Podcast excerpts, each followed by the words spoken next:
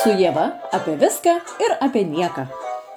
Labas, labas, labas. Na, jeigu įsijungėt, tai reiškia pasilgot, nors truputį gal pasilgot, nu aš tikiuosi, nes labai labai ilgai neprisirašiau, nugi prisėsti, žinokit, ir man trūksta tų dešimties minučių.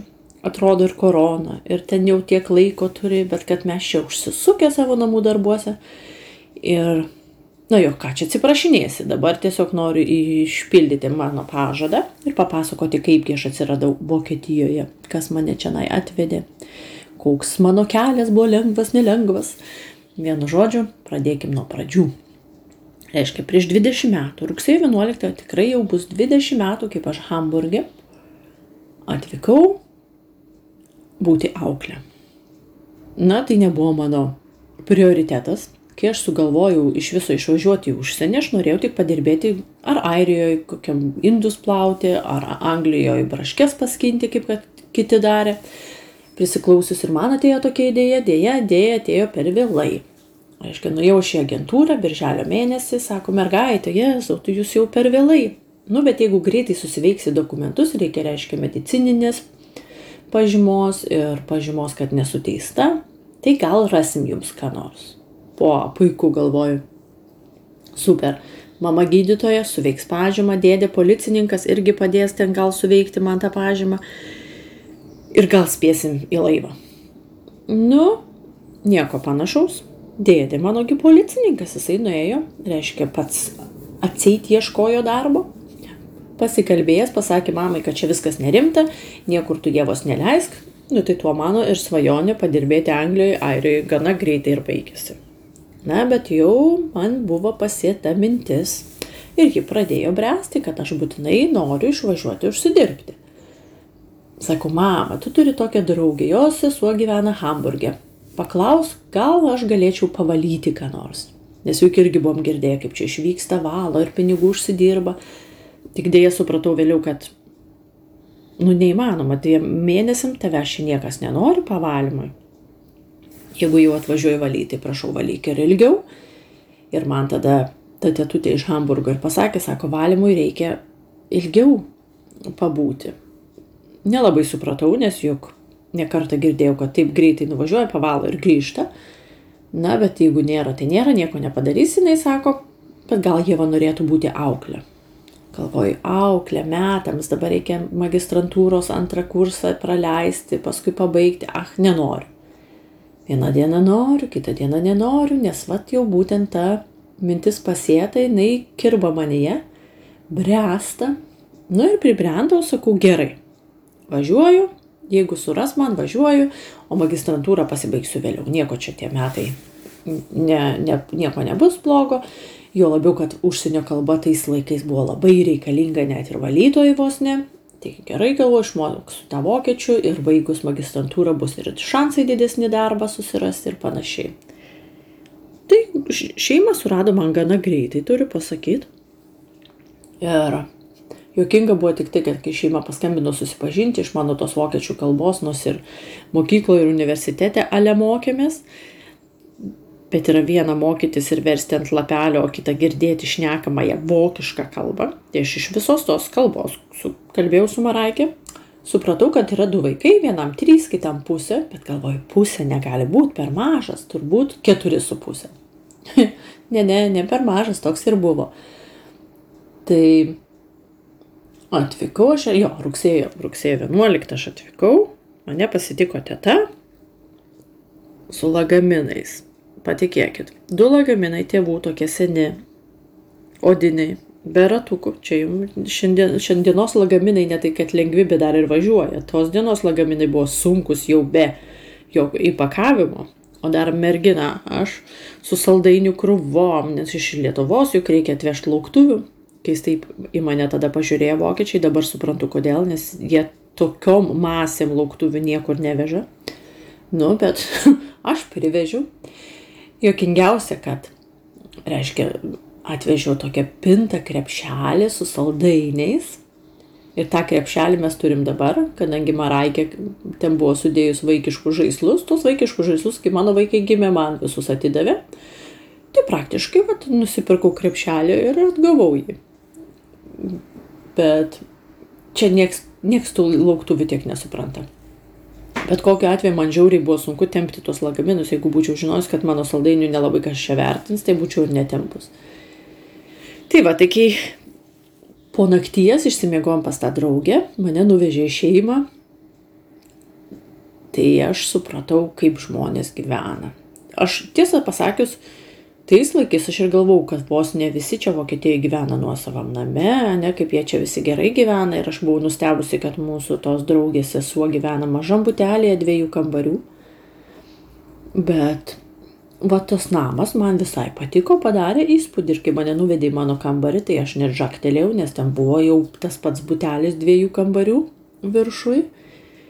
Ir vonė atskira tokia didelė va, man čia buvo kaž, kažkas tokio, ne, iš kaimo mergaitai pakliuvusiai į užsienį. Na ir prasidėjo mano vargas. Pirmi mėnesiai tikrai buvo vargas. Pirmiausia, tu nesupranti kalbos.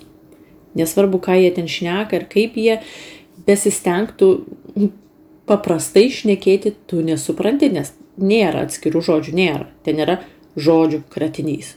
Įlipi į traukinį, ten kažką pasako, galvoju, dieve, nu ką jie ten sako, pasirodo, sako, atsargiai duris užsidaro.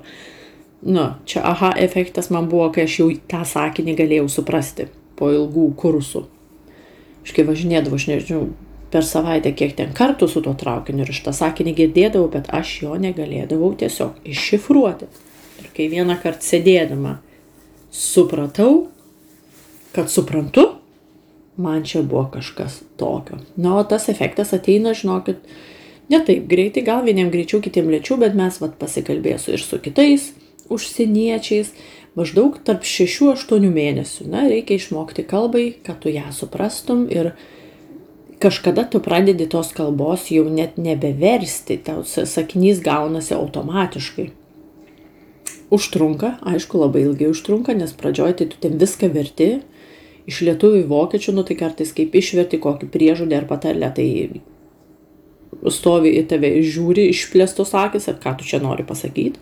Pavyzdžiui, Vokietijoje labai yra, mm, kaip čia, laimės dalykas neša, ne, keulė. Jie vadovanoja visą laiką e, per kalėdas keulė, nes ji neša laimę. Tai kai tu, o pas mus kiaulė gilę šaknį knisa, nieko panašaus. Nu tai va, kaip išverti, kaip knisa kiaulė gilę šaknį, tai tave tik pažiūri keistai, tu ir baigėsi. Bet grįžkim prie to, kaipgi mano pradžia čia buvo. Reiškia, aš, nu sakykime, po dviejų dienų mano atvykimo buvo jau balius namuose. Aš vienintelė, ką galiu daryti, vienintelį dalyką, reiškia padėti virtuvėje, plauti, nešti, padėti. Nu tai gerai paploviau taures, Viena taurė taip ir liko pusė taurės mano rankoje, nes taip, taip stipriai pavaliau. O ten jau taurės tokios nepigios. Taip man baisu buvo prisipažinti, kad sulaužiau, sudaužiau, nu bet ką darysi. Tada vos ne kitą dieną perdegė senas televizorius. Jie man buvo atnešę turbūt iš e, garažo seną kokį televizorių, taip ir buvo. Sugedo, tai aš ten dešimt minučių verčiau vieną sakinį, kad pasakyti, kad televizorius sugedo. Tai be problemų nupirko man naują, aišku. Na ir dar po kelių dienų, tai praktiškai po penkių dienų nuo mano atvykimo išvažiavome į vieną salą, čia yra Zöld, tokia skaitusi turtingųjų sala. Aha, galiu patvirtinti, nors mes ir dabar ir patys ten nuvažiuojam, nors nesam baisiai turtingi, bet iš tiesų tai ten renkasi žymiausi ir turtingiausi reikia žinoti vietas, kur galėtų paprastas žmogelis apsistoti. Tai ir ten yra vienas baras, Zanziba baras, kuriame mes valgėm ir pietus, ir vakarienį, ir vos ne pusryčius. Ten aš žiauriai blogai jaučiuosi. Jaučiausi, kadangi visi mane žiūrėjo ir aišku visi suprato, kad aš esu auklė. Bet tie žvilgsniai, jie nieko gero neduoda. Na ir mano pirmas pirmas maisto užsisakymas irgi buvo toks linksmas, kadangi aš nežinojau, kad čia, pavyzdžiui, sriuba yra pagrindinis patiekalas. Tai aš užsisakiau kaip lietuvė sriubos ir antrą patiekalą. Tai kai atnešė man bulvių sriubą didžiausią lėkštę ir dar antrą patiekalą, tai jau ir mano šeima tai pasižiūrėjo keistai, sako, tu suvalgysi, sakau, suvalgysi, nu kaip nevalgyti, dabar aš užsisakiau, tai kaip aš negaliu, negaliu palikti, nu žinokit, ir suvalgiau. Tai nedyvai, kad po to, po tų dviejų savaičių atostogų aš grįžau apie 10 kg priaugus. Vakarai susėsdavom žiūrėti televizorius. Nieko aš juk nesuprantu, tai sėdim. Jie ten kažką tarpusavį kalbasi, aš tai spoksau televizorių ir valgau M&M saldainius. Nu, tai va, tokie pasivalgymai išėjo tikrai į naudą, kad mano vienos atvežtinės kelnės beveik jau ten, ten buvo sustriguoto šonuose, tai aš viską ten atleidau ir bėgau paskui pirkti naujų.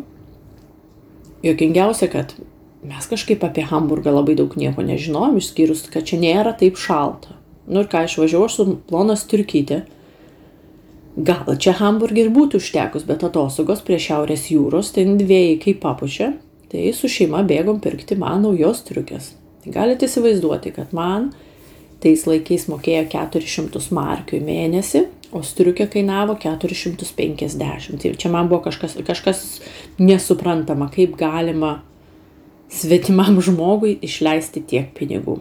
Tai tą striukę aš labai labai labai labai ilgai nešioju, kur tikrai atėjo laikas ją išmesti ir taip man jos gaila buvo, nes aš žinau, kiek jinai kainavo.